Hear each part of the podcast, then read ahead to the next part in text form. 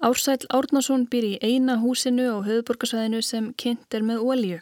Húsið stendur í miðri Reykjavík og húsið er líka líklega það eina þar sem rafmagnið er tengt úr rafmagsstaur sem stendur fyrir utan húsið. Ég veit það ekki alveg nákvæmlega en það er mjög mikla líkur á því. Segir Ásæll Árnason þegar hann er spurður af því hvort hann búi í eina íbúrhúsinu sem kynntir með ólíu á höfuborgarsvæðinum. Speiklinum hefur ekki tekist að finna önnur hús sem nota ólíum. Húsi var byggt 1956 í óleifi eins og það hétt þá. Það stendur sunnan megin við höfðabakkabrúna. Jóhann bróðir Ásæls sem lést í fyrra keifti húsið 1974 og bjóð þar fyrst. Þeir bræður byggu svo þar saman. Og það er eðlert að spurt sé hvers vegna húsið er kynnt með óljum. Vegna þess að ég fæ ekki hittaveitu hingað, segir Ásæl. Og það hefur allast í strandað á því og búið að vera að reyna það í mörg ára að reyna að fá hittaveitu í þetta hús. Og hverju neyta því og hvers vegna er því neyta? Borgin neytar því, orkuveita neytar því, það eru þeir sem ráða. Ásarlega fær þau svöra hann eða nota rafmang til að kynntu upp húsið en hann er ekki tilbúin til að samþekja það. Það kostar um mikið. Það þarf að skipta um rækjörfið í húsinu, töfluna og mælana og Svo þarf ég náttúrulega að kaupa alla rammarsamluna líka. En er ekki líka dýrt að nota ólíuna? Sjálfsagt er það. Það, það, það eikst alltaf kostnæðurinn í því. Færð þú ykkur styrk eða er þetta niðugreitt? Nei. Já, sko náttúrulega þetta er náttúrulega vélarólja. Hún er náttúrulega ódýrar heldur en það sem við höfum að nota bíla. Þetta er lituð ólja svo kalluð. Málið er aðeins floknara þegar kemur að því að leggja hýtavitu í húsið. Hýtavitu stokkurinn er ekki langt frá húsinu þannig að það ætti að vera tiltölulega einfalt mál. Ársall segir að borgin vilji rýfa húsið. Nei, neitunum fælst í því að þetta hús eigi ekki vera hérna. Það er að rýfa það. Málið er það að borgin vill ekki hafa þetta hús hérna. Og það, það er skýringna því að þú ferð ekki, ekki hýtavitu hingað öllum líkindum. Krafaborgarinnar er að húsi veri rifið en kemur ekki til greina að fallast á það og flytji hús sem er með hittaveitum.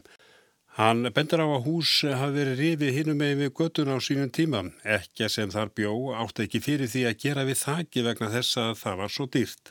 Verktakarnir ætlaði að taka 2 miljónir þá, það er nú orðin daldi mörg ár síðan, geti verið allt upp undir 8 eða 10 ár og hún vildi fá einstaklis íbúð í blokk. Og hún gæti ekki keft einstaklisýpuð í blokk fyrir peningarna sem hún fekk fyrir húsi Og þú ert í sömur stöðu? Alveg öruglega Það vekur fyrðu margra að ensi hús í Reykjavík eða á höfuborgarsvæðinu sem kynntir upp með óljum ársætli reyfjar upp sögu af síni sínum. Svonu minn var að keira rútu og var að keira ferðamenn og gætin var náttúrulega útskýra fyrir verðamannunum að Reykjavík væri kynnt öll með heitu vatni. Þá greip sónum minn oft fram í fyrir þeim og sagði að það væri ekki rétt í að faði minn á heimaðinni miður Reykjavík og hann kynnti mér á ólju þá vildu þeir helst að hann hætti að tala. Ársætlu og bróður hans sem lést í fyrra eru þekkti fyrir að gera upp gamla bíla Þegar að speilin baragarði var ásall að púsa upp og slípa botti af Ford 55 ranns vakon. Hann hefur óbyrjandi áhuga á bílum. Uppáhaldsbílin hans er Oldsmobile árgeð 56. Hann hefur gert hann upp fimm sinnum. Fyrir utan húsi má sjá margar gamlar glæsikerur. En þar blasir líka við ramastur. Frá honum líkja raflínur í lofti yfir í húsið. Við erum hérna fyrir utan og þú talar um að vera dýrt að tengja rafmagn og þú þurfur að skipta um allt rafmagn en er það ekki sérstakt að rafmagnir þetta hús er tengt eh, já, með rafmagsstöyrum? Jú, það er ábyggilega mjög fátíkt orðið að það sé. Þetta hús er náttúrulega bara tengt í ljósastörinu eins og sér. Og það var til skamstíma líka þannig með síman? Já, sími var líka henni í loftinu. Að síminn var seldur, þá hunskuðist við til að grafa hann í jörðu. En annars var bara vandraði alltaf á vetunar. Eh, þetta er líklega eina húsi sem að kynntir með olju, líklega líka einu húsi sem er með svona raftengingu eða frá þá hérna ramastöðrum.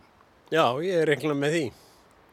Það sé ekki fleiri, ekki allavegni í miðri Reykjavík. Saði Ársæl Árnason, Arnar Páll Haugsson talaði við hann.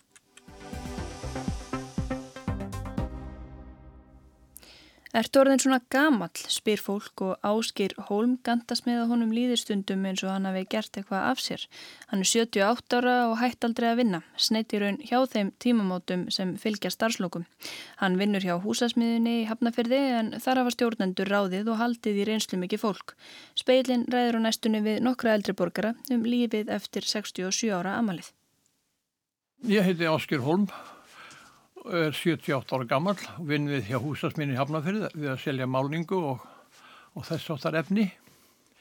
Og ert nú að gera lengi? Búin að vera þar í 20 ár. Í hvaða starfslutfalli ertu núna?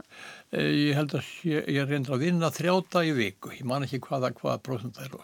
Og svo hleypi inn eða eru veikind eða eitthvað svona og þá er ringt í mig og þá bara mæti maður og berga málun. Þú talar um að væri komin á enn aldurinn. Já.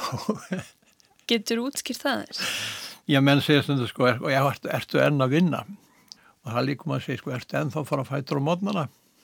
Og ertu, ertu að anda og svona? Ertu enn, enn að mæti rættina? Og... Já, eitthvað svona sko.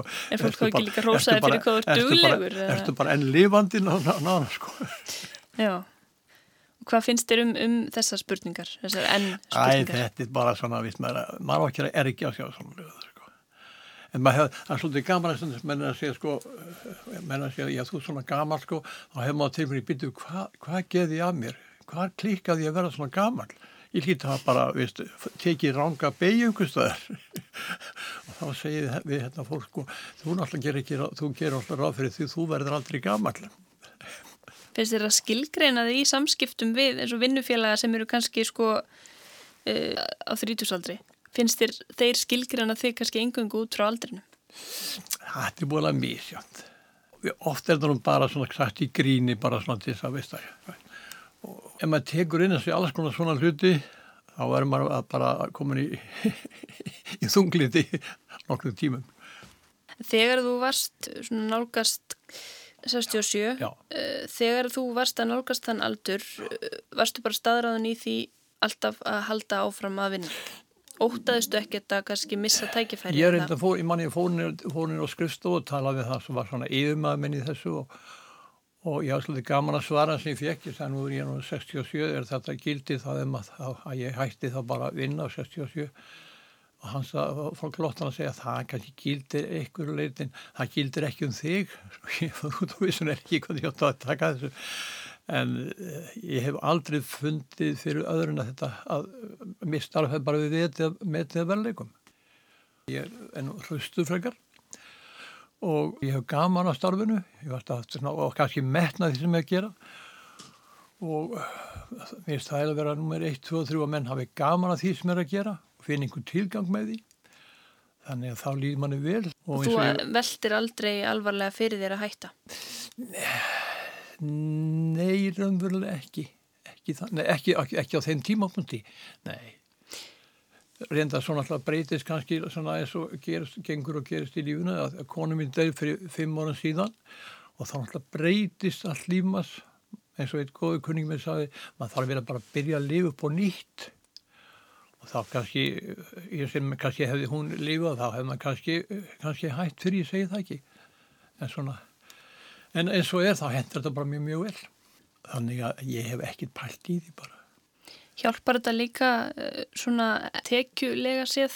Jú, jú, jú Hvernig væri staðin eða þú væris uh, ekki? Vistu, ég bara með... veit ekki, ég er, sko, er náttúrulega fær, ég er náttúrulega er í hvað fer og fær, fær náttúrulega er með lífið sjóð tekið þaðan. Ég man ekki hvað þetta er eitthvað um á 200.000 fyrir skatt á skiluru nú ég hef ekki, ekki bara kunnótt eða pælt í því hvað ég fengi út úr tryggingum á mótu þessu. Þannig ég, ég var aldrei farið inn í þetta tryggingakerfi. Ég ger ekki ráð fyrir að ég fengi krónundur í hvað sem er með mína tekjur og þessar tekjur. Hefur, hefur eitthvað breyst í lífinu? Þú helst áfram að vinna, Já. en hefur eitthvað annað breyst? Voru einhver önnur tímamót, ertu farin að svona lifa lífinu eitthvað öðruvís en þú gerðir áður nei, en þú komst á aldur? Nei, ekki, ekki þannig lagað, það er náttúrulega eins og segið þegar maður er alltaf einn og þá þarf maður að hafa fyrir því að elda matin sjálfur og, þó þvottin sjálf og svona sem bara svona nýttli hlutir sem eru kannski stóru, hlutir í, í samhenginu sko. Já, en þetta þessi kannski krísa sem að sumir upplifa þegar þeir hægt að vinna og þurfa svona að finna sína fjöli í lífinu, þurfa að búa til nýtt skipula, nýja rútinu. Já. Þú hefur kannski ekki staðið frammi fyrir því uh, svona tengt starfi? Nei, ég hef svona, sko, ég, ég býn nú eins og það, í, gamlu húsi, verðurlega húsi í Hafnarfiði og ég hef alltaf nóg að gera og eins og strákur minn sagðist með það, pappi er alltaf eitthvað að vesenast, já, pappi er alltaf eitthvað að vesenast og ef hann hefur ekki eitthvað að vesenast, þá finnur hann eitthvað til að vesenast í. Þannig nummer 1 og 3 að vera bara sko, hvernig skilgreinur á því, hvernig skilgreinur á því að slappa af? Er það að slappa af að líka upp í rúmi og glápa út í loftið eða vera að gera eitthvað í höndunum? Ég slappa, mest, ég slappa mest af því að gera eitthvað. Þetta er einhver ráð til fólk sem, að, sem vil halda áfram að vinna? Er þetta bara, snýst þetta um að vera heppin með, með Eh, aðtunreikanda eða, eða ég held að, sé, ég held að hljóta að vera skipta miklu máli að vera í, í, aðtunreikanda sem að hefur skilning á, á hvað, hvað þú er fram að færa í reynslu. Ég er ekkert að setja þetta umt fólk og eins og ég er stundu satt menn koma til að segja þessi, þessi, þessi, þessi piltur og þessi stúrkata og hún seldi mig þetta og þetta hún er bara að gera tóm vilt, hún kann ekkert og þá segi ég, ég vil þetta fólk, þá er það mér að kenna, þá er ég ekki búin að kenna henni nóg, það er mér að kenna og veit ekki. Það fæðist engin inn í þetta og þá má ekki rakka nýr ungt fólk, það hefur ekki reynslu og það þarf að læra og þá má bara segja að ég hefði ungum að þá veit hann ekki, það er alls ekki rétt. Þannig að þú upplifir líka fólk kannski sem er með fordum og hvort unga fólkinu vinnust þannig að það leita til þín.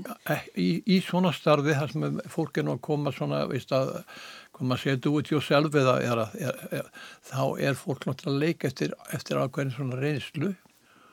Og það hefur átt vantrú á því að meina, þú ferðin í búð og spyrir 17 úrling hvernig á ég að gera þetta og þetta og þetta? Og það er ekki eðlert að 17 úrlingu viti þetta, ekki um einhver hafi kent á það, hann fæðist ekki með þetta En eh, finnst þið mikilvægt á að fólk hafi val og geti valið annarkvort á að hætta eða, eða halda áfram að vinna?